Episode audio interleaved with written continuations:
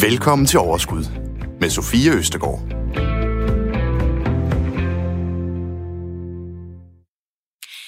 Det her, det er programmet Overskud, og øh, det er jo her, vi taler om privatøkonomi. Generelt så elsker jeg bare at tale med folk, som tager ansvar for sin økonomi, og som øh, er økonomisk øh, bevidst. Det kan inspirere os alle sammen, og jeg selv bliver rigtig inspireret. I dag der har jeg øh, besøg af en person, som øh, da jeg talte med ham inden programmet, så sagde jeg, og hvordan var det nu, det var din plan om at blive, øh, du havde en plan om at blive millionær, inden du fyldte 30, hvortil han svarede, nej, ej, det tror jeg, du har misforstået, det var at være økonomisk uafhængig. Millionær, million, den fik jeg allerede som øh, 25-årig. Daniel Hansen Pedersen, velkommen til Overskud. Tak skal du have. Du er godt nok så fyldt 26 siden du fik din første million. Ja. Og tillykke med, øh, med den for øvrigt. tak skal du have. Hvordan, øh, hvordan føles det at være millionær? Det føles præcis ligesom at ikke at være millionær, vil jeg sige. Det er faktisk... Altså det, det, det var faktisk bare noget, jeg tænkte til en YouTube-video, der kunne være ret sjovt at se, hvor mange penge har jeg faktisk. Og så prøvede jeg at gennemgå sådan egenværdi i huset og aktierne og sådan noget, og fandt ud af, hov, der er faktisk en million. Så kan jeg kalde mig millionær. Det er virkelig sejt. Men øh, hvorfor du kan kalde dig millionær, og hvordan du er kommet dertil, det taler vi om øh, senere øh, her i programmet. Jeg kunne godt tænke mig at starte et andet sted. Jeg kunne godt tænke mig lige at øh, starte med at finde ud af, hvem er Daniel Hansen Pedersen egentlig? Du går meget op i økonomi og, og penge, det har jeg allerede fortalt. Men, øh, men hvorfor? Ja, og det er jo også sjovt, at hvem, hvem er jeg? Fordi hvis du så mig for to år siden, så tror jeg, der ikke ville være næsten nogen, udover måske min mor og min tætte omgangskreds, der vil sige, at jeg gik meget op i penge. Men det, det, er, det er jo blevet det nu, fordi det er det, jeg beskæftiger mig med på fuld tid inde på YouTube. Så, men ellers så har jeg jo... Ja, altså, og, og grunden til, at jeg går op i det, det er jo netop, fordi jeg har det her mål om at blive økonomisk uafhængig som 30-årig. Og der ligger jo ret mange elementer øh, gemt inde i det, øh, både hele min uddannelsesbaggrund og hvor jeg kommer fra. Og lad os lige kigge lidt nærmere på det. Ja. Født og opvokset i? Ja, mange steder på Fyn faktisk. jeg har boet rigtig sådan, mange steder. Uh, han er i tvivl om ja, det? det var sådan, jeg er født i Katteminde, og så flyttede jeg til Gudme og Langeskov, Ullerslev. Jeg har boet for mange forskellige steder på Fyn. Hvorfor? Det er, mine forældre blev skilt i en tidlig alder, og så har de flyttet lidt rundt omkring og boet sammen med nogle forskellige, og flyttet til en by og til en anden by, og ja. Mm. Så øh, besluttede du dig for, at du skulle være civilingeniør ja. efter gymnasiet går ud fra, at du kan næsten ikke noget meget andet, vel? Eller Nej, hvad? jeg har faktisk ikke. Jeg har gået direkte 18 års skolegang lige igennem det hele. Ja. Ja. Hvorfor var det civilingeniør? Det var, jeg har faktisk, jeg har aldrig haft den der med, at jeg gerne vil være et eller andet sådan pilot, eller læge, eller ingeniør, eller sådan, men jeg har altid været sådan drevet af mine interesser. Og jeg har i folkeskolen kunne rigtig godt lide matematik. Det var min yndlingsfag. Derfor læste jeg STX, matematik og fysik. Og så på gymnasiet, der fik jeg også en interesse for sådan kroppen og idræt og sundhed. Og så fandt jeg ud af, at der var den her ingeniørretning, der hed civilingeniør i velfærdsteknologi, hvor man kombinerede matematik og teknologi og ingeniør med kroppen, det anatomiske og det fysiologiske. Og så tænkte jeg, det lyder spændende. Så Mm. prøvede jeg at følge den uddannelsesretning. Og det resulterede i, at du i 2018 flyttede til København øh, på grund af øh, praktik. Øh, Ja. Eller øh, hvad hedder det? Ja. Ja, altså jeg fik øh, faktisk studiejob i København i 2016, en københavnsk virksomhed, men jeg arbejdede primært hjemmefra. Okay. Men så kom jeg faktisk netop i praktik i virksomheden, og blev så under mit speciale øh, fuldtidsansat i den virksomhed også, og flyttede så derefter til København, fordi jeg lige pludselig havde hele min dagligdag i København. Så øh, efter et par år i København som civilingeniør, så kom corona, og det betød noget for dig, og det skal vi snakke om lige om et øjeblik. Du lytter til Radio 4. Og det her, det er Overskud. Jeg hedder Sofie Østergaard, og over for mig, der står Daniel Hansen Pedersen.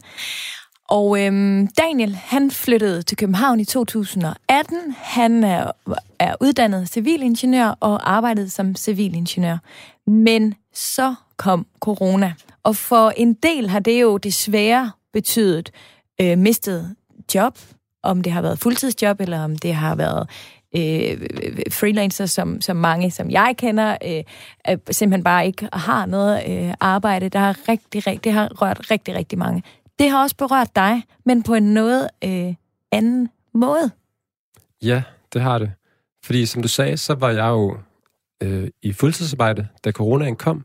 Det var faktisk mit andet fuldtidsjob, hvor jeg var blevet headhunted, head, headhunted til det her job, hedder det. Øh, en rigtig, rigtig god stilling for mig, med en god løn og så videre. Men, øhm, men det job, det, det var en helt anden arbejdskultur, end jeg brød mig om. Det var meget stringent, der var ikke særlig meget fleksibilitet, og det handlede om, hvor længe man kunne være på kontoret. Og så lige pludselig kom coronaen, og så øh, skulle man arbejde en masse hjemmefra. Og samtidig så var der ikke så mange arbejdsopgaver til mig. Og så begyndte jeg lidt at få lidt mere tid, fordi jeg skulle ikke bruge transport på arbejde, og jeg behøvede ikke at arbejde måske de 12 timer om dagen, som jeg var vant til. Og så begyndte jeg at lave de her videoer om aktier og investeringer og lægge dem på YouTube, som er faktisk det at lave videoer, er noget, jeg har drømt om, eller lavet hele mit liv, og sådan drømt om, jeg kunne leve af, men jeg havde bare aldrig troet, det var realistisk. Men da coronaen så kom, og jeg arbejdede hjemmefra, og jeg begyndte at bruge min tid på at lave de her videoer, og jeg samtidig var kommet i en situation, på grund af, at jeg havde sparet op igennem livet, og jeg havde investeret i mit eget hus og så videre, som vi sikkert snakker mere om, så havde jeg en situation, hvor den løn, jeg fik fra mit job, den var jeg faktisk ikke, den behøvede jeg ikke. Jeg kunne sagtens få mad på bordet, jeg kunne betale huslejen uden min ingeniørløn. Så den gik faktisk primært bare til at investere i aktier. Og så tænkte jeg, jeg har, helt, jeg har gået i skole, som sagt, i 18 år i streg, og der er hele tiden ligesom været en plan for mig. Jeg skulle hele tiden gøre noget. Men nu var jeg kommet ud på den anden side, og der var ikke længere, der var ikke længere noget, jeg skulle, eller jeg var, jeg var ligesom, nu, nu stod verden åben. Ja. Og så tænkte jeg, hvor, hvorfor er det så, jeg ikke, når det, jeg ikke arbejder for pengenes skyld, og hvorfor bruger jeg så ikke min tid på det, jeg sådan virkelig brænder for? Men det kan jo lyde altså, lidt, altså fordi det du gjorde, det var jo så at kombinere din interesse for penge, for økonomi, for optimering, ja. med det at lave YouTube-videoer. Og det er jo det, du laver øh, i dag, fuldtid. Men det kan jo også undre, at når du er så økonomisk bevidst, at du så tør at tage et spring til en verden, som er så økonomisk usikker. Fordi som du selv siger, du fik en god løn. Jeg forestiller mig, det ved jeg ikke, hvad tjener man som civilingeniør? Min øh, sidste månedsløn, eller i sidste job, det var 47.000. 47.000, det er en høj løn. Mm. Som du siger, dem kunne du faktisk stort set investere hver eneste måned. Ja. Du ved jo lige så godt som jeg, hvor mange penge det kan blive til. Hva, altså, hvorfor, hvor, hvorfor gjorde du det så? Jamen, det, det var som sagt, at jeg fandt frem til, at, at det, det, det opdagede jeg jo ligesom, at jeg tror på studiet, der så man frem til, man skulle ud på den anden side, man skulle arbejde, man skulle have den her gode løn, man ja. skulle virkelig nyde livet. Men jeg, jeg nåede virkelig den frihed, der var på studiet, med at jeg selv kunne bestemme, hvornår jeg læste, hvornår jeg arbejdede. Jeg kunne selv bestemme, hvilken indsats jeg lagde i studiet, og dermed hvilket resultat jeg fik. Men lige pludselig kom jeg ud på arbejdsmarkedet, hvor det handlede ikke om, hvad for nogle resultater jeg skulle lægge i mit arbejde. Det handlede om, hvor mange timer jeg kunne sidde ja. på en kontorstol. Men uh, var der også den, den økonomiske del af dig, som kan se, altså, at det på sigt måske også økonomisk kan være en fordel? Eller, eller var det udelukkende med Altså, det har helt sikkert været et skridt tilbage i min økonomi, fra ja. at have den her høje indtægt, men... Faste i hvert fald høje også. Og fast ja. indtægt, men i stadigvæk kun én indtægt, som man jo med corona kan se, at den er jo ikke sikker. Man kan miste sit job. Og der, der vil jeg så hellere nu prøve at opbygge mit eget. Så kan det godt være, at det tager et par år, hvor jeg bygger det op. Men så, ja, der tror der er rigtig mange, der ender et helt liv, 30, 40, 50 år, med sådan at være måske middelmådig lykkelig og have den her ene indtægt, hvorimod jeg har gået lidt tilbage og prøvet at bygge mit eget op. Så jeg tror faktisk på sigt, at det at skabe mit eget også vil økonomisk være bedre på sigt. Ikke lige nu, men, men på sigt. Ja. Der er jo mange, jeg kender også mange YouTubere, og, og hvis man kigger på YouTuber generelt, så er det jo sådan lidt noget, øh, altså videoerne er ikke for lange, og det er sådan lidt øh, gak, øh, altså gak og løjer, ikke? Altså det skal være sådan lidt, øh, med, det er jo ikke pengemagasinet på en eller anden veletableret øh, tv-kanal. Mm. Det er jo øh, lidt gak og løjer. Øh, og, og det, du laver, er jo lidt anderledes. Det, det handler ikke om en eller anden... Altså, du har ikke prøvet hovedet ned i en lavkage, eller tage et bad med fiskesnask, eller nogle af de der challenges, som jo er enormt populære på YouTube. Det er trods alt hverdagsøkonomi. Øh, Men når jeg ser din video, er det så også lige med lidt twist. Altså, du gør det i hvert fald noget mindre tørt, end man kunne øh, gøre. Hvad, hvad har du gjort dig sådan af overvejelser for at finde det univers, du skal placere dig i, hvor det jo både er dybt seriøst, men på den anden side også let spiseligt? Ja, altså, fordi jeg har lavet YouTube i rigtig mange år, også før det, jeg laver nu. Og jeg har lavet mange forskellige ting, med træningsvideoer og rejsevideoer og så videre. Men jeg blev inspireret selv af andre på YouTube, især den store fra USA, der hedder Graham Stephan, som laver det, jeg gør, kan man sige, på amerikansk på engelsk. Og der så jeg så, der begyndte jeg, altså jeg har altid set rigtig meget YouTube, jeg har ikke set så meget fjernsyn. Jeg har set YouTube, det har jeg brugt til at lære nyt, og det har jeg brugt til at forbedre mig selv, og for eksempel blive bedre til at investere i aktier. Og så tænkte jeg bare til mig selv, at jeg kunne se, hvor stor succes han havde med det. Og så tænkte jeg, hvorfor kan jeg ikke bare gøre det? Der er ikke rigtig så mange, der gjorde det i Danmark. Og så begyndte jeg faktisk bare at gøre det lidt på sidelinjen med, at jeg havde mit job. Og kunne lige pludselig... Så allerede inden corona stak du lige fingrene i jorden og ja, prøvede det, det lidt? Den ja. første video lavede jeg i december, så det var faktisk fire måneder, fire, næsten fire-fem måneder før, at jeg stoppede med at arbejde. Så jeg begyndte at lave det lidt på sidelinjen, og kunne begynde at se, mens jeg arbejdede, at det her, det, det stak bare fuldstændig af. Altså ikke noget i sammenligning med, hvor jeg er nu, men i forhold til der, hvor jeg var dengang, mm. der var der lige pludselig kæmpe stor interesse for det. Noget andet, der også er stukket af, det er, det kan jeg ikke lade være med lige at sige, det er også var det så imponerende, det er jo Tesla-aktien. Og øh, senere i programmet, der skal vi tale om din portefølje, for du er en af dem, jeg har bare ønsket at møde, som investeret i Tesla i, hvad var det, 14 eller 15? Øh, 15. 15. Og det skal vi snakke om, for den er sted mere end 1000 procent. Men det er lidt senere. Du lytter til Radio 4. Øhm, først kunne jeg godt tænke mig at høre, hvordan ser din hverdag ud nu? Hvordan ser en typisk hverdag ud for dig? Som? Har du vendet dig til at sige, hej, jeg hedder Daniel, jeg er YouTuber? jeg, jeg er ved at vende mig til det, vil jeg sige. Okay. Min hverdag, de er, der er ikke rigtig nogen, der er, ja, der er både, de er både ens, men der er også en masse variation. Som regel, der har jeg lige pludselig tid nu til at for eksempel starte dagen ud med at gå en tur, eller lave yoga, eller gøre noget godt for mig selv, læse en bog. Og så lægger jeg en, ellers en plan for, hvad jeg sådan skal igennem med mine videoer. Skal jeg optage en ny video? Skal jeg redigere en video? Skal jeg undersøge noget nyt omkring udenlandske aktier, eller den nye NIO-aktie, eller hvad skal jeg gøre? Mm. Så, så det er meget øh, op til mig selv, kan man sige. Og det er noget af det, som jeg sætter kæmpe stor pris på, at jeg kan bestemme og vurdere ud fra mit humør, hvad for nogle arbejdsopgaver jeg gerne vil have, og, og hvad jeg gerne vil fokusere på at skabe af noget content. Og det er jo meget med, at jeg sidder derhjemme faktisk og undersøger et emne, og så snakker jeg til mig selv i et kamera, og så sidder jeg på en computerskærm og ser mig selv snakke til et kamera, og så lægger det ud på internettet. ja. Det er, jo, det er jo sådan lidt det, hverdagen er som YouTuber. Hvad siger alle dine civilingeniørkammerater til, altså til det skifte? Der, jeg tror, de fleste de er faktisk sådan stolte og imponeret over, at jeg har tur og forfølge det, de godt ved, der har været min drøm, fordi de kender jo, de ved jo godt, at jeg har lavet videoer i rigtig mange år. Så jeg tror, de, er, de, de, er, de kan godt se, at jeg gør det nu, der gør mig glad. Og mm. det, det tror jeg, de har stor respekt for. Det er sjovt, fordi det minder mig lidt om, da jeg droppede ud af 3.G øh, for, at, for at forfølge en karriere som danser. Det var det, også, det er lidt det samme, det der med, min nærmeste, de synes det var overdrevet fedt. Så led lidt længere ude, de fat, de kunne slet ikke forstå det. Altså, fordi det var sådan, hvad laver du? Altså, du, du mangler ingen tid, og du, du er 3.G, altså, hvad, hvad sker der? Altså, sådan den mm. der, hvor de måske ikke har følelserne, og har alle mine altså, egne øh, værdier øh, med i ligningen, fordi det på papiret jo kan se fuldstændig åndssvært ud, at jeg dropper ud af 3.G, og at du øh, hopper fra et, et, et, et, et virkelig sejt øh, og velbetalt øh, øh, job. Mm. Øhm, men hvad tjener du så penge på i dag? I dag, altså der, i forhold til ja. din YouTube, øh, hvis vi ser isoleret på, på YouTube-kanalen, hvordan ja. tjener du penge på den? Så tjener jeg primært penge på, at alle de jo efterhånden mange tusinde mennesker, der ser dem hver dag. Ja, og lad os lige holde fast i den, for nu undskyld mig, men du fortalte mig i telefonen, at målet, det var at få 1000 subscribers ja. til din kanal i år. I år, ja. Og hvor er du øh, nu? Ja, her i morges, der rundede jeg de 24.000 subscribers. Da jeg talte med dig for få dage siden, der var det så der var 23, 23 ja. så det går hurtigt lige nu. Det, det, det går, altså det vokser eksponentielt. Det, det går hurtigere og hurtigere. Det er ret, ret vildt. Ja. Nå, men hvordan tjener du pengene på din kanal?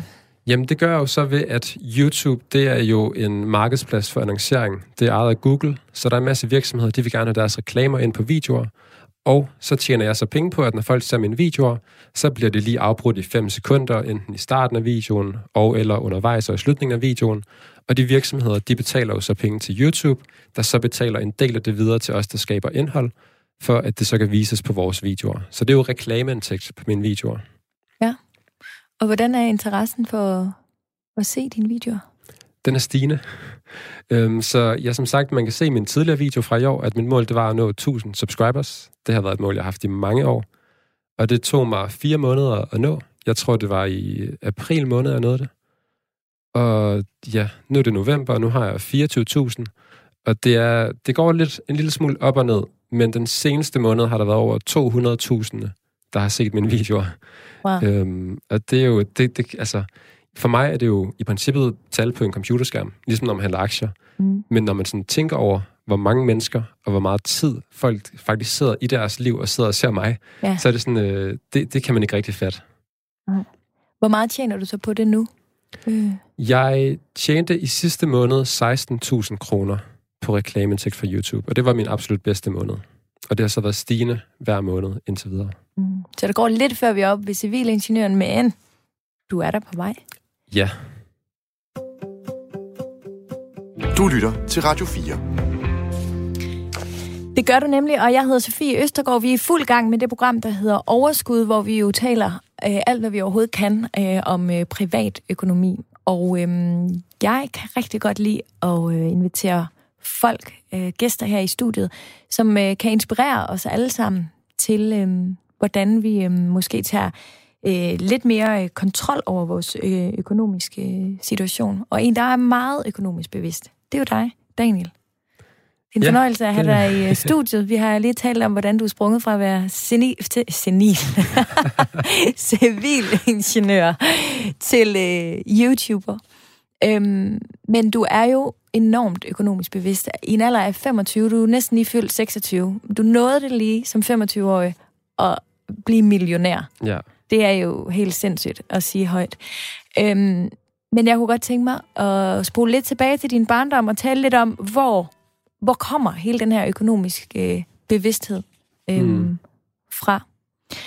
Øhm, hvordan var din barndom på Fyn? Jeg synes, min barndom var fantastisk. Det var en tid, hvor man legede ud i skoven, og man lavede huler og legede gemmeleg og fangeleg, og vi havde måske en halv time hver søndag ved computeren. Og ellers så var man bare udenfor, og man var sammen med sine søskende og fædre og kusiner og sådan noget. Jeg synes, jeg havde en fantastisk barndom. Så du bruger noget mere tid foran computer nu, end du gjorde, Ja, det gør jeg. Det gør det må man sige. Hvordan var jeres øh, families øh, økonomi? Jeg tror, den har altid været sådan meget almindelig gennemsnitlig. Jeg kommer hverken fra nogen sådan ringekår eller nogen rigekår. Vi har altid boet i vores eget hus, og der har været en eller to biler. Ikke nogen dyre biler, helt almindelige biler. Og så vi har taget på ferie øh, en gang om året eller et par gange om året. Sådan mest til Sverige og Norge, ikke sådan øh, de største ferier. Og sådan, men der har, jeg føler ikke, der har manglet noget. Det har været en, en ganske fin, almindelig, gennemsnitlig opvækst. Ja. Øhm, hvordan har det så været? Altså, har du fået, har du fået lommepenge? Eller hvordan... Kan du Ja. huske din sådan, Det, øh, jeg fik indtræden i den økonomiske verden? Ja, jeg fik lommepenge.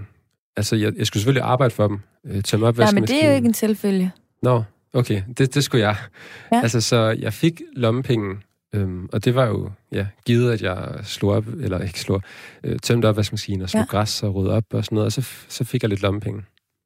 Har- hvor meget? Altså, sådan, kan du huske det? Var det sådan, hvis du gør det her, så får du det her. Hvis du gør det her, får du det her. Eller hvordan ja, var det? Altså, jeg, jeg tror, jeg havde en fast sats. Øh, Jeg kan snart ikke huske det, om det var 50 kroner om måneden eller et eller andet. Pengene var jo heller ikke så meget værd, eller de var mere værd dengang.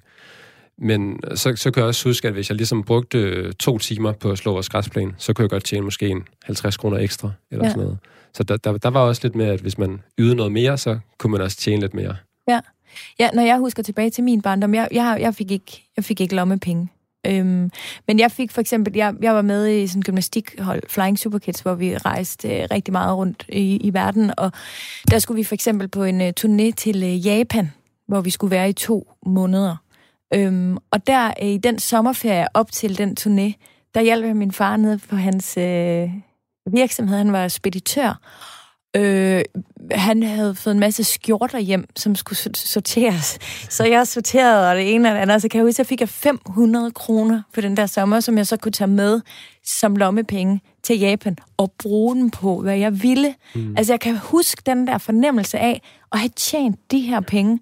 Altså, den, det var virkelig en fornemmelse, og jeg kan ikke, jeg har tit tænkt sådan tilbage, om det var det med, at min, altså om den måde, de præsenterede det på, eller, eller hvad det er, der har givet mig den altså, fornemmelse af, at jeg yder noget, og så får jeg nogle penge, og følelsen af at have tjent de penge er fantastisk. Mm. Kan du, kan du, er det også sådan lidt, du havde det dengang? Ja, altså jeg har faktisk en meget lignende situation. Min far, han har været, altid været vognmand, så det er jo lidt samme branche som speditørerne. Ja. og der, der var en episode, hvor han engang havde en masse blomster til overs. Og dem fik jeg så i en alder af 11 år, tror jeg. Og så begyndte jeg ellers at dele flyers ud til naboerne, og sådan spredte ordet i byen, at jeg solgte altså de her blomster. Og på den måde, der sparede jeg op til, at jeg kunne købe min første mobiltelefon. Nokia 3510i i anden klasse, og jeg tror, jeg var den første i skolen, der havde en mobiltelefon. Ja. Og det blev, kan jeg huske mig i klassen, det blev de selvfølgelig jaloux over, at jeg nu havde fået, fået, troede de jo, en mobiltelefon. Men i virkeligheden, der havde jeg jo arbejdet for dem. Jeg havde tjent min egen penge, og jeg havde fået at vide, det var nemlig sjovt, fordi tidligere som 10 år eller sådan noget, havde fået at vide, at jeg måtte ikke få en telefon, før jeg blev et eller andet antal år, medmindre jeg selv købte den. Ja, okay. Og så tjente jeg jo så selv penge til den, og så kunne jeg så gå ud og købe den. Og, og det, var, det var en fantastisk fornemmelse. Og jeg kan huske stadigvæk, at jeg tabte en 20'er fra et blomstersal, som røg ned i stedet, jeg kunne få fat i den. Og det kan stadigvæk ondt, at jeg ja. vidste den 20'er dengang. Hvad tror, altså, tror du... Altså, det er jo svært at sige, men nu, jeg har selv... Nu, jeg har en femårig nu, ikke? Øhm, og jeg har lige faktisk her til morgen talt med ham. Vi flyttede i hus, og vi har seriøst noget, det, vi skal bruge mest tid på, det er at finde ud af, hvornår skraldemændene kommer. Der er så mange forskellige skraldespande, vi skal stille ud. Og i morges kom der en, som skulle hente en anden skraldespand, troede jeg måtte stikke ud af ud ved og sige, hvorfor tager du ikke den med? Og han sagde, han kommer senere, og det er virkelig hat og briller. Så jeg talte faktisk med min søn om i morges sådan, mm, det kunne da godt være, at, øh, at du skal til at måske lave noget herhjemme, sådan, og så kunne du måske... Øhm, han går vildt meget op i mønter, det synes han er vildt spændende. Mm. Vi har en eller anden årsag en sparkris derhjemme med sådan nogle mønter, også gamle 25 øre og sådan noget. Ellers så bruger man jo ikke kontanter. Øhm, og jeg, jeg, jeg kan ikke helt finde ud af, om det er for tidligt, altså i en alder af fem, og begynde på det. Og omvendt har jeg det også sådan, at han skal jo ikke have penge for alt, hvad han laver. Øhm, så jeg sagde sådan, nah, sådan noget med at tømme opvaskerne og bære ud, når man har spist og sådan noget, det, det gør vi som familie. Altså, den er svær. Mm. Men hvad tror du, det har betydet for dig? At du i en, i en så tidlig alder er blevet introduceret til det her øh, med på en eller anden måde at drive en lille virksomhed, eller yde, før man kan nyde? Ja, altså jeg tror helt sikkert, at jeg har lært det her med, at hvis man gerne vil have noget, så bliver man nødt til at arbejde for det, og man bliver nødt til at spare op selv. For eksempel med min første mobiltelefon, eller med mit første fjernsyn, jeg købte senere. Og så det, det her med, at man hele tiden, at jeg vidste, at hvis jeg skulle have noget, så skulle jeg ligesom arbejde for det. Det tror jeg har givet mig rigtig meget lært, hvad, hvad penge betyder. At det betyder, at det ikke bare er noget, der er på et dankort. Det, det betyder faktisk, at du lægger noget arbejde, og så får du nogle penge.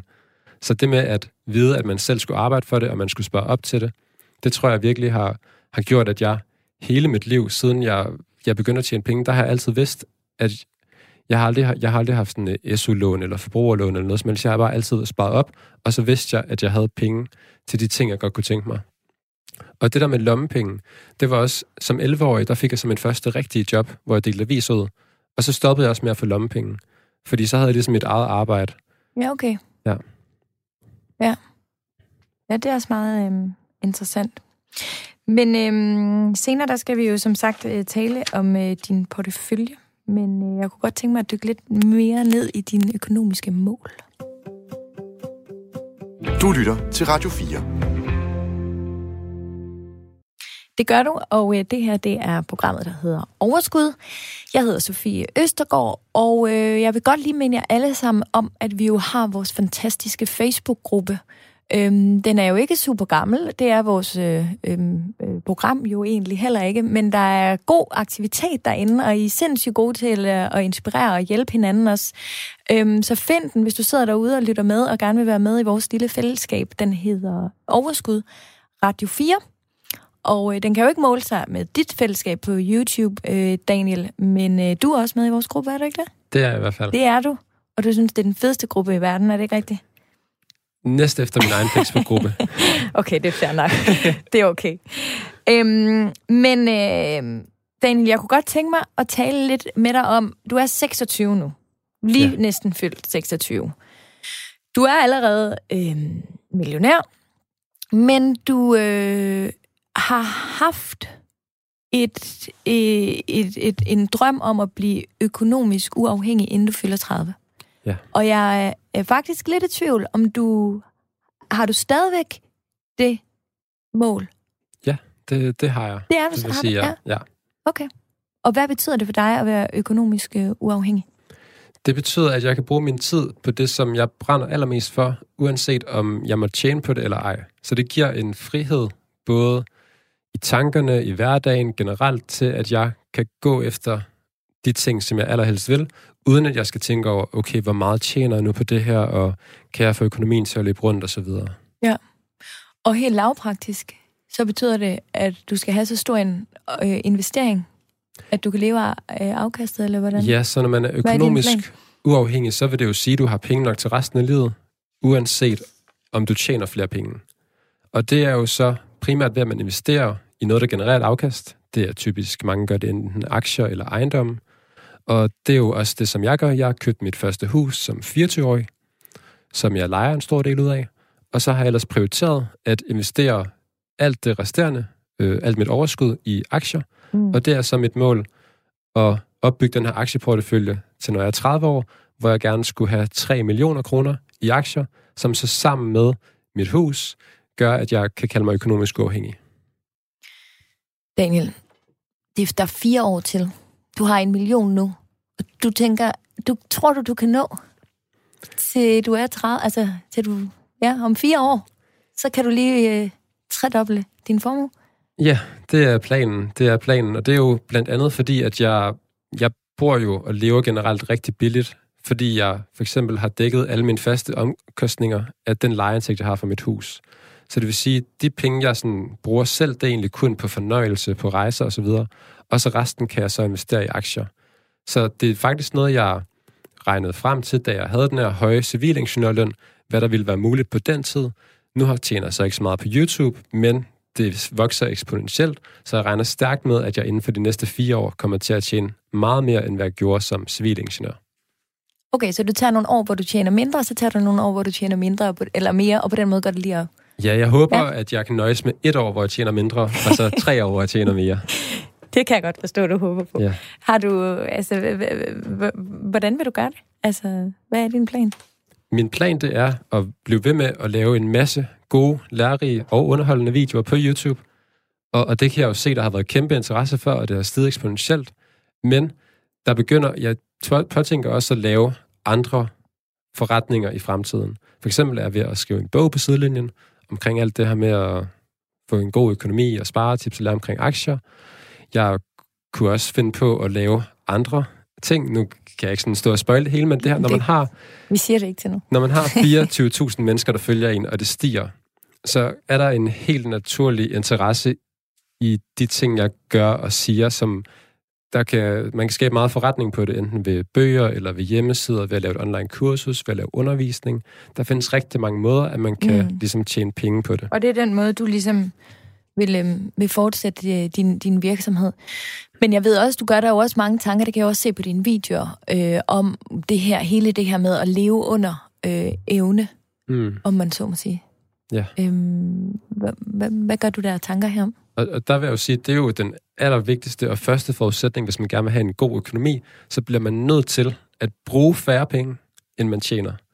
Fordi hvis man enten bruger alle de penge, man tjener, eller man bruger flere penge, man tjener, så får man bare aldrig opbygget den her opsparing til at kunne købe hus, eller købe aktier, eller opnå nogen form for økonomisk frihed eller uafhængighed i sit liv. Så det er jo, det har, og det har jeg været vant til hele mit liv, at jeg aldrig har brugt flere penge, end jeg har tjent. Så min formue, den har også bare vokset fra jeg var 11 år af og begyndte at tjene mine egne penge. Der har, der har den bare vokset hvert år, fordi at jeg netop hele tiden har haft det her for tanke, at jeg skulle ligesom spare op. Og den har du altså haft i en meget tidligere alder.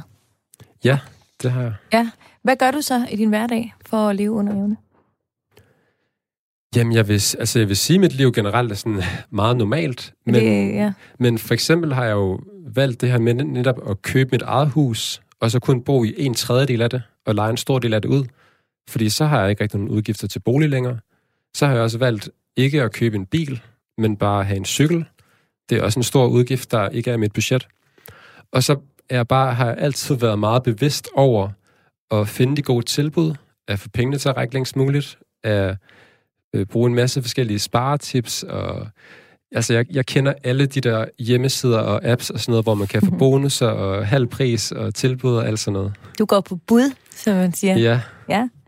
Men altså, du, nu siger du også, du ved, jeg, jeg, jeg bor kun i en tredjedel af mit hus, hvilket jo selvfølgelig giver rigtig god mening. Men jeg tror også, at der er mange, der sidder og lytter med og tænker, du er lige fyldt 26, det var 2018, du flyttede herover, og jeg ved jo så, fordi jeg har talt med dig, at du bor i en forstad til København, som absolut ikke er et, et altså, du, det, det er dyrt at købe hus herover. Mm. Hvordan har du i en alder af 3-24 år kunne købe altså et hus, som er så stort, at du kan nøjes øh, med at bo i en tredjedel af det. Jeg ved, jeg to. Altså, at I to ikke kan nøjes med at bo i en tredjedel af det. Det i sig selv kræver jo, at du lige forklarer, hvad der er foregået.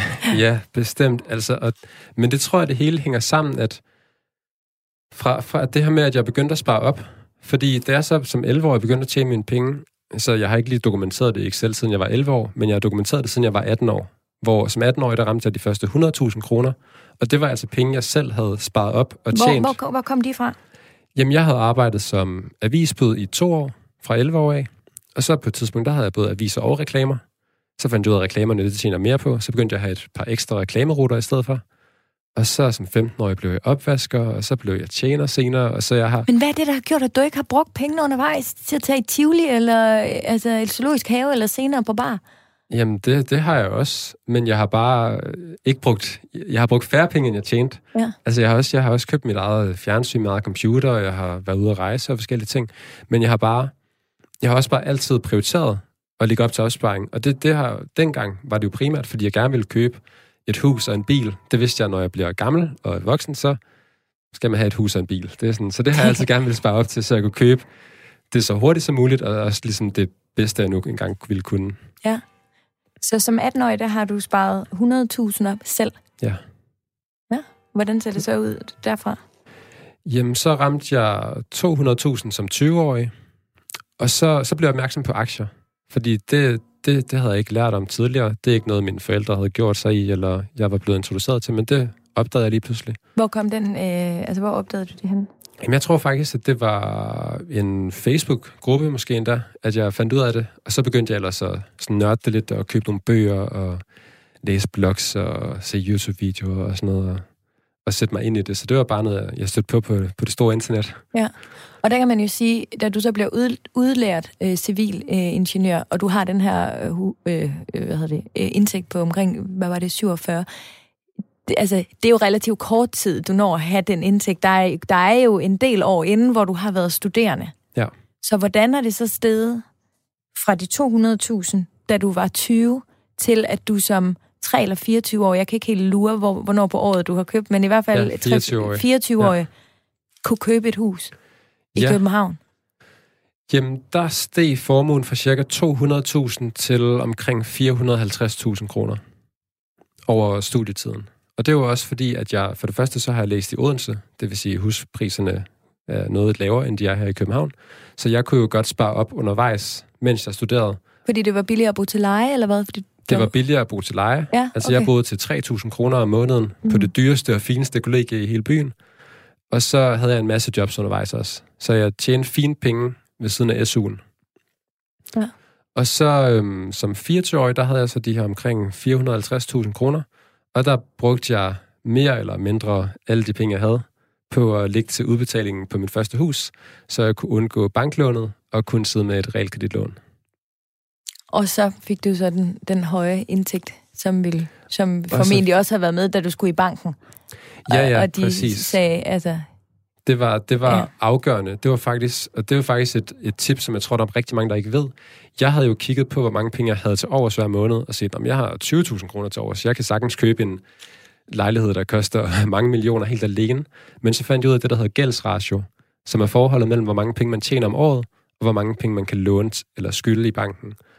Og der fandt jeg så ud af, at okay, selvom jeg har en høj løn, så kan jeg altså ikke bare købe øh, høj løn og lav forbrug, så kan jeg ikke bare købe, hvad jeg har lyst til.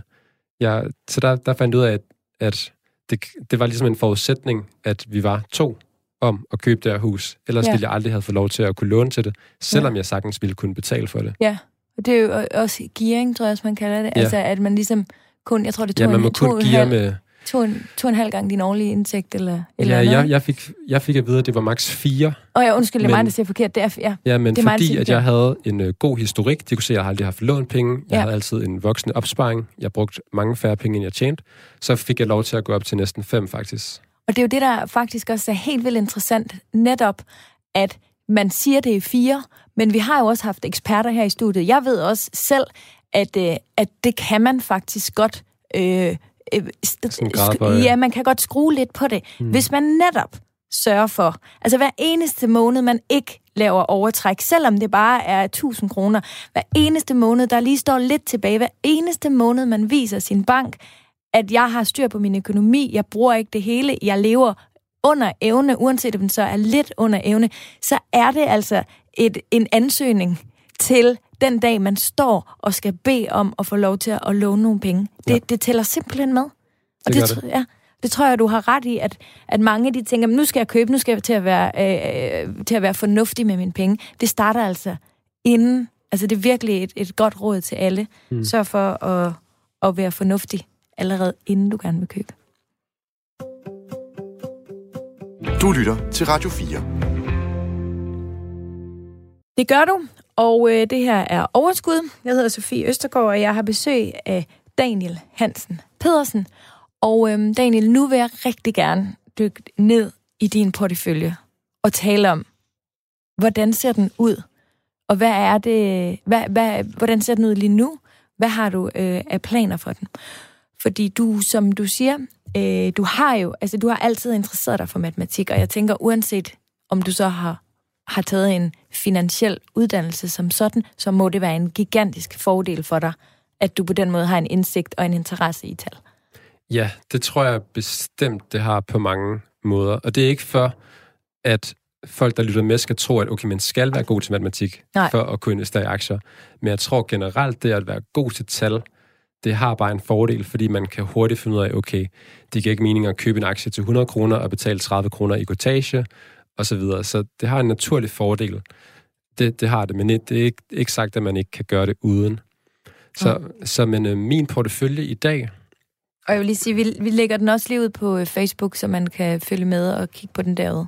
selvfølgelig. Mm. Den har en værdi af 530.000 kroner.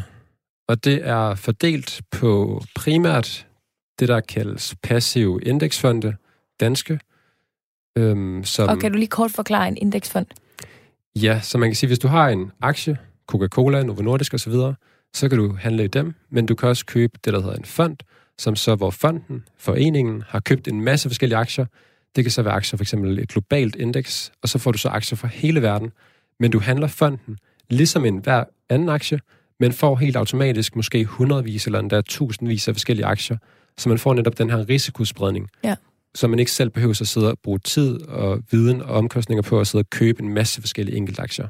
Og noget andet, du også får, det er, at øh, selvom der skulle være udenlandske aktier i den her øh, fond, så bliver det også automatisk opgjort, opgivet til skat, hvilket øh, Ja. ja. vi for nogle uger siden Ja, der er også det her med kildeskat og sådan noget. er det sindssygt, Så- mand. Det er altså rigtig, rigtig fint, at der er nogen, der har styr på det for dig. Ja. Ja. Det har jeg også lært på Så, den så det gode er.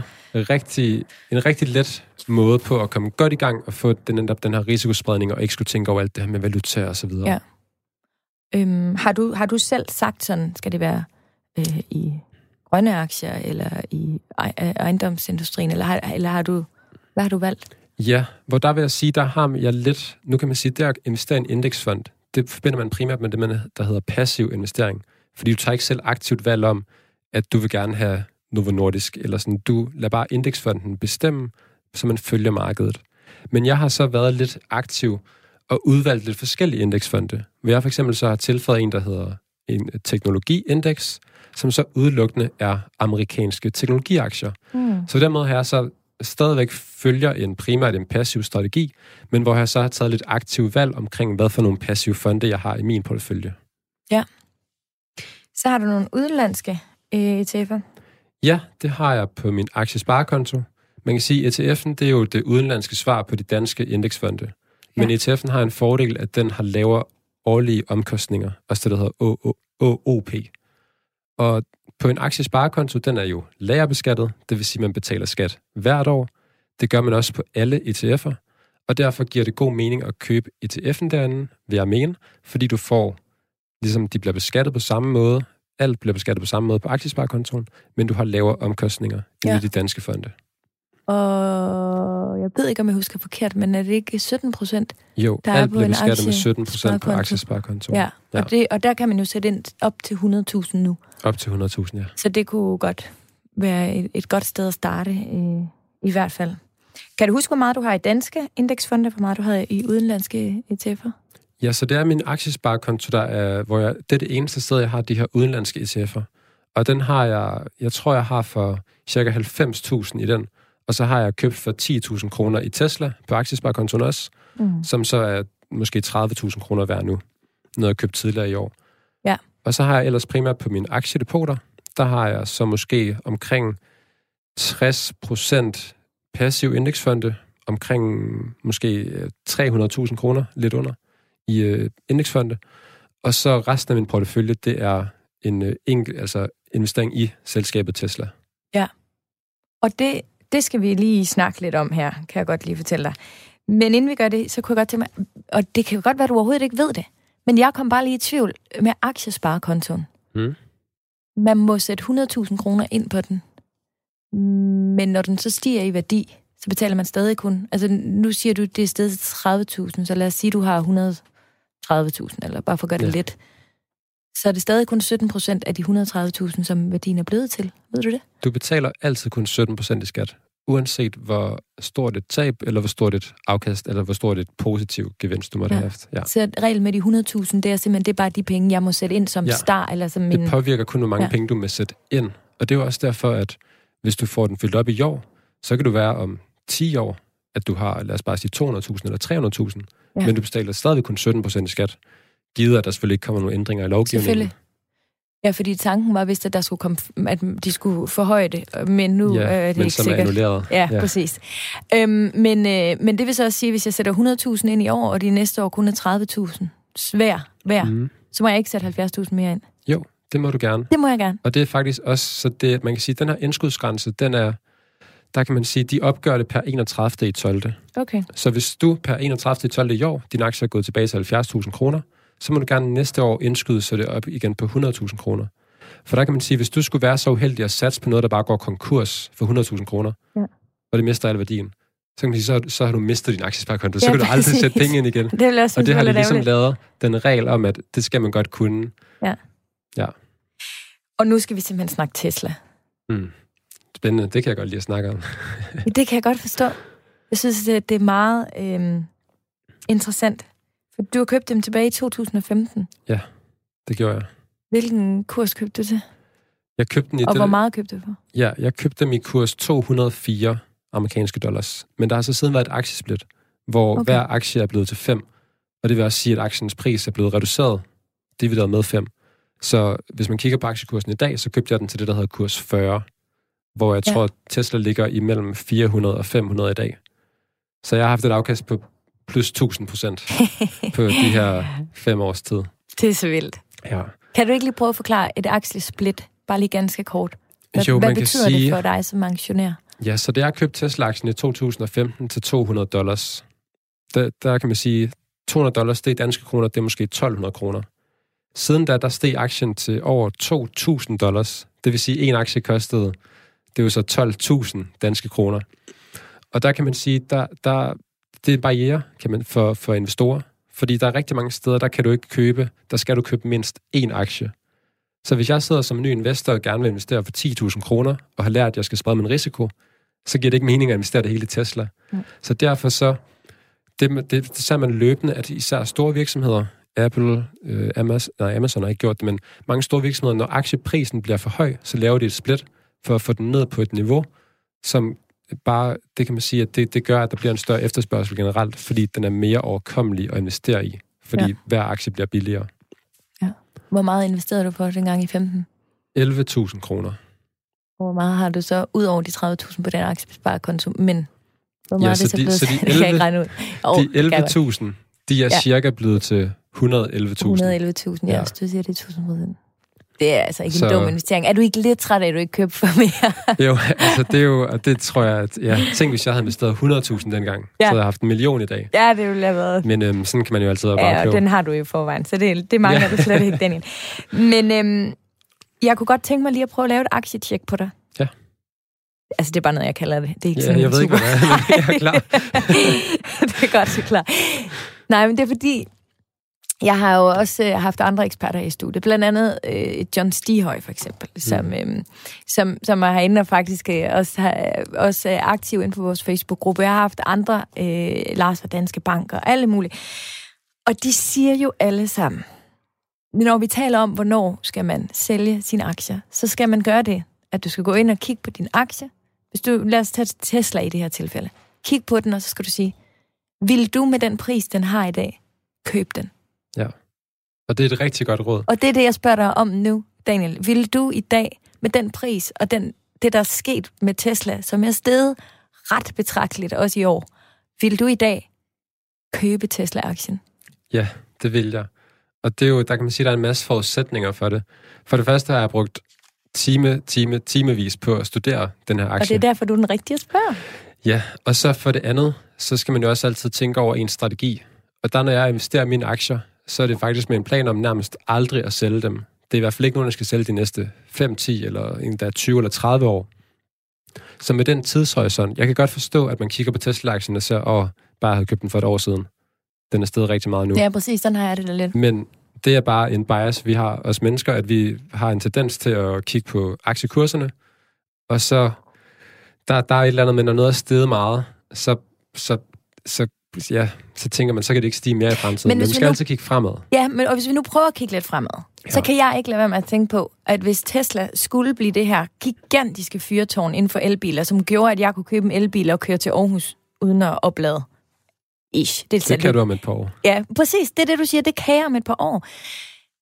Men altså, men kan jeg det? Og er vi sikre på, at det er Tesla? Eller er der nogen, der faktisk er kommet? Altså, har de ikke snart efterhånden haft øh, rig mulighed for at vise, at det er dem, der kommer med de elbiler, der virkelig virker? Jamen, det synes jeg da også, de gør. Synes du, de gør det nu? Jeg synes ikke rigtigt, jeg, altså... Jeg kan, ikke, jeg kan ikke købe en elbil, fordi til, vores, altså til det, jeg bruger min bil til, så går, en- kan jeg ikke bruge en elbil. Og hvad, hvad er det? Jamen, det er at køre langt. Altså, Okay. hvis jeg for eksempel skal arbejde i Jylland, så kan jeg ikke sætte en time af eller et eller andet til at stoppe midtvejs for at lade den op. Altså, man kan sige, hvis man bare lige hurtigt tager faktaene, så den, den Tesla i dag, der kan køre længst på papiret, har en rækkevidde på over 600 km. Jeg tror, det er omkring 620. Men så er det jo sådan noget, så koster den... Så koster den fra 600.000 kroner af, ja. Så det er, Ja. ikke en, det er ikke en allemandsbil. Nej. Og så, de kan også lade op en fuld opladning på omkring en halv time i dag max. Men de lader hurtigt op fra, fra starten af, så man kan sige, at på 5 minutter, der kan du nærmest få 20% strøm på. Så man behøver altså ikke holde en, en time at lade, og de kan også køre langt. Men det, der er ved elbiler, det er, at det er en disruption af hele den måde, vi bruger køretøjer på nu. De kommer til signifikant at kunne køre meget længere. De kommer til at blive meget billigere også, fordi prisen på den dyreste komponent i elbilerne, det er batteriet, den falder drastisk hver eneste år. Med omkring 20 procent falder den pris.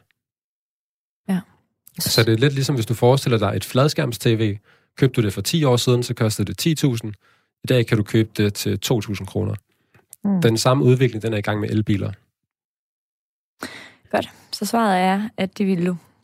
Det Ja, fordi hvis du ser, hvis du tager, og det er jo meget, grund til at investere i Tesla er også meget fremtids. Altså, der er to store globale omvæltninger undervejs.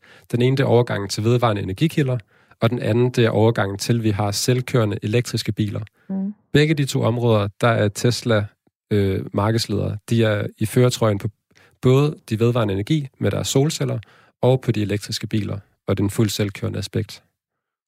Spændende. Jeg skal lige spørge dig, fordi du sagde, i, det var i dine aktier, der havde du 500 et eller andet tusind. Ja. Men vi har også talt om, at du har en million.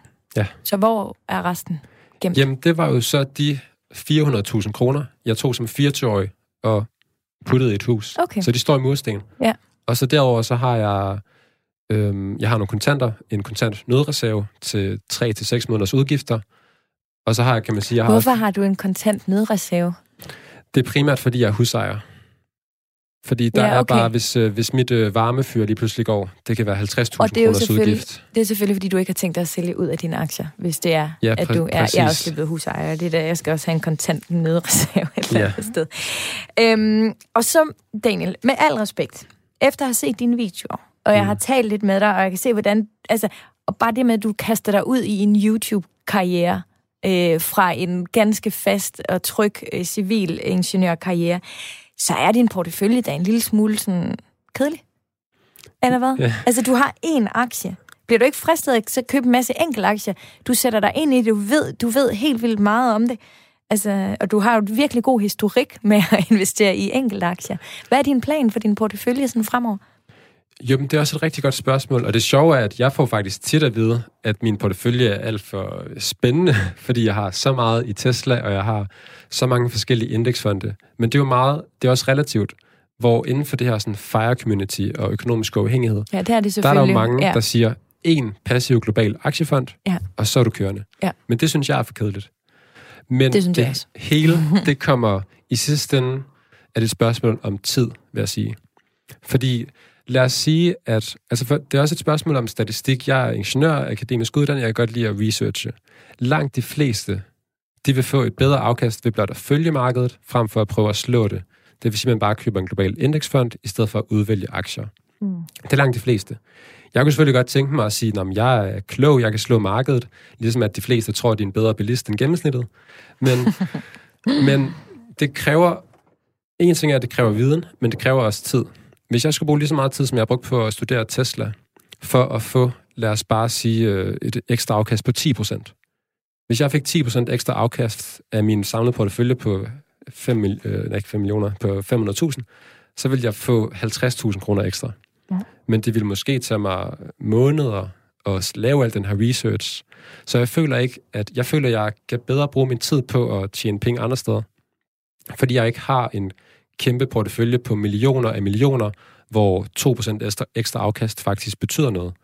2% ekstra afkast for mig, det vil betyde et par tusind kroner. Ja. Så vil jeg hellere bare lave nogle flere YouTube-videoer, eller lave noget andet og tjene penge derpå, frem for at prøve at sidde og tage en højere risiko, bare for at få lidt procent ekstra afkast. Det giver rigtig god mening. Så min plan for porteføljen, det er at fortsætte med at købe op i passiv indeksfonde, og det er faktisk primært det. Måske på et tidspunkt, jeg tænker, at der kommer en ny virksomhed, der bare virkelig kommer til at ændre den måde, vi enten bruger, øh, får energi på, eller den måde, vi bliver transporteret på, ligesom Tesla gør, så kan det godt være, at jeg tænker, det giver god mening at satse på den, men, øhm, men det er ikke sådan noget, jeg har, har planlagt nu.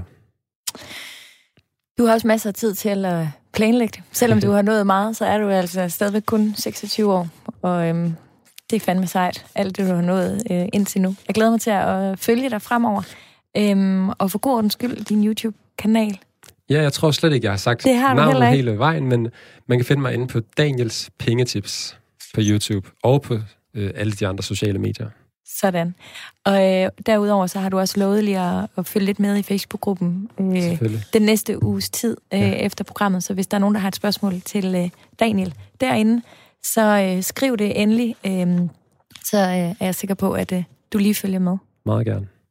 Daniel, tusind tak for besøget. Men selv tak, det var en fornøjelse. Det var en kæmpe stor fornøjelse og meget inspirerende øh, at tale med dig. Så tak for det. Som sagt, så ligger jeg både Daniels øh, portefølje øh, ud på vores øh, Facebook-gruppe. Jeg linker også lige til hans øh, YouTube, så I egentlig bare kan hoppe derind. Vores gruppe, den hedder Overskud Radio 4. Hvis ikke du er med i den endnu, så synes jeg ærligt talt, at du skal finde den, fordi der er altså virkelig også mange inspirerende og kloge hoveder, som øh, debatterer derinde. Du lytter til Radio 4. Programmet vil jo slutte. Du har lyttet til øh, Overskud med mig, Sofie Østergaard. Og øh, er du mailtypen, så kan du altid skrive til mig på overskud radio4.dk, og øh, så husk vores Facebook-gruppe. Hvis du gerne vil skrive til mig, så kan du finde mig både på Instagram og på Facebook. Det gør du ved bare at søge efter mit navn. Programmet her var tilrettelagt af mig selv. Det var afviklet af Maja Christine Grønbæk, produceret af Body Body for Radio 4. Ha' det fantastisk. Tak for i dag.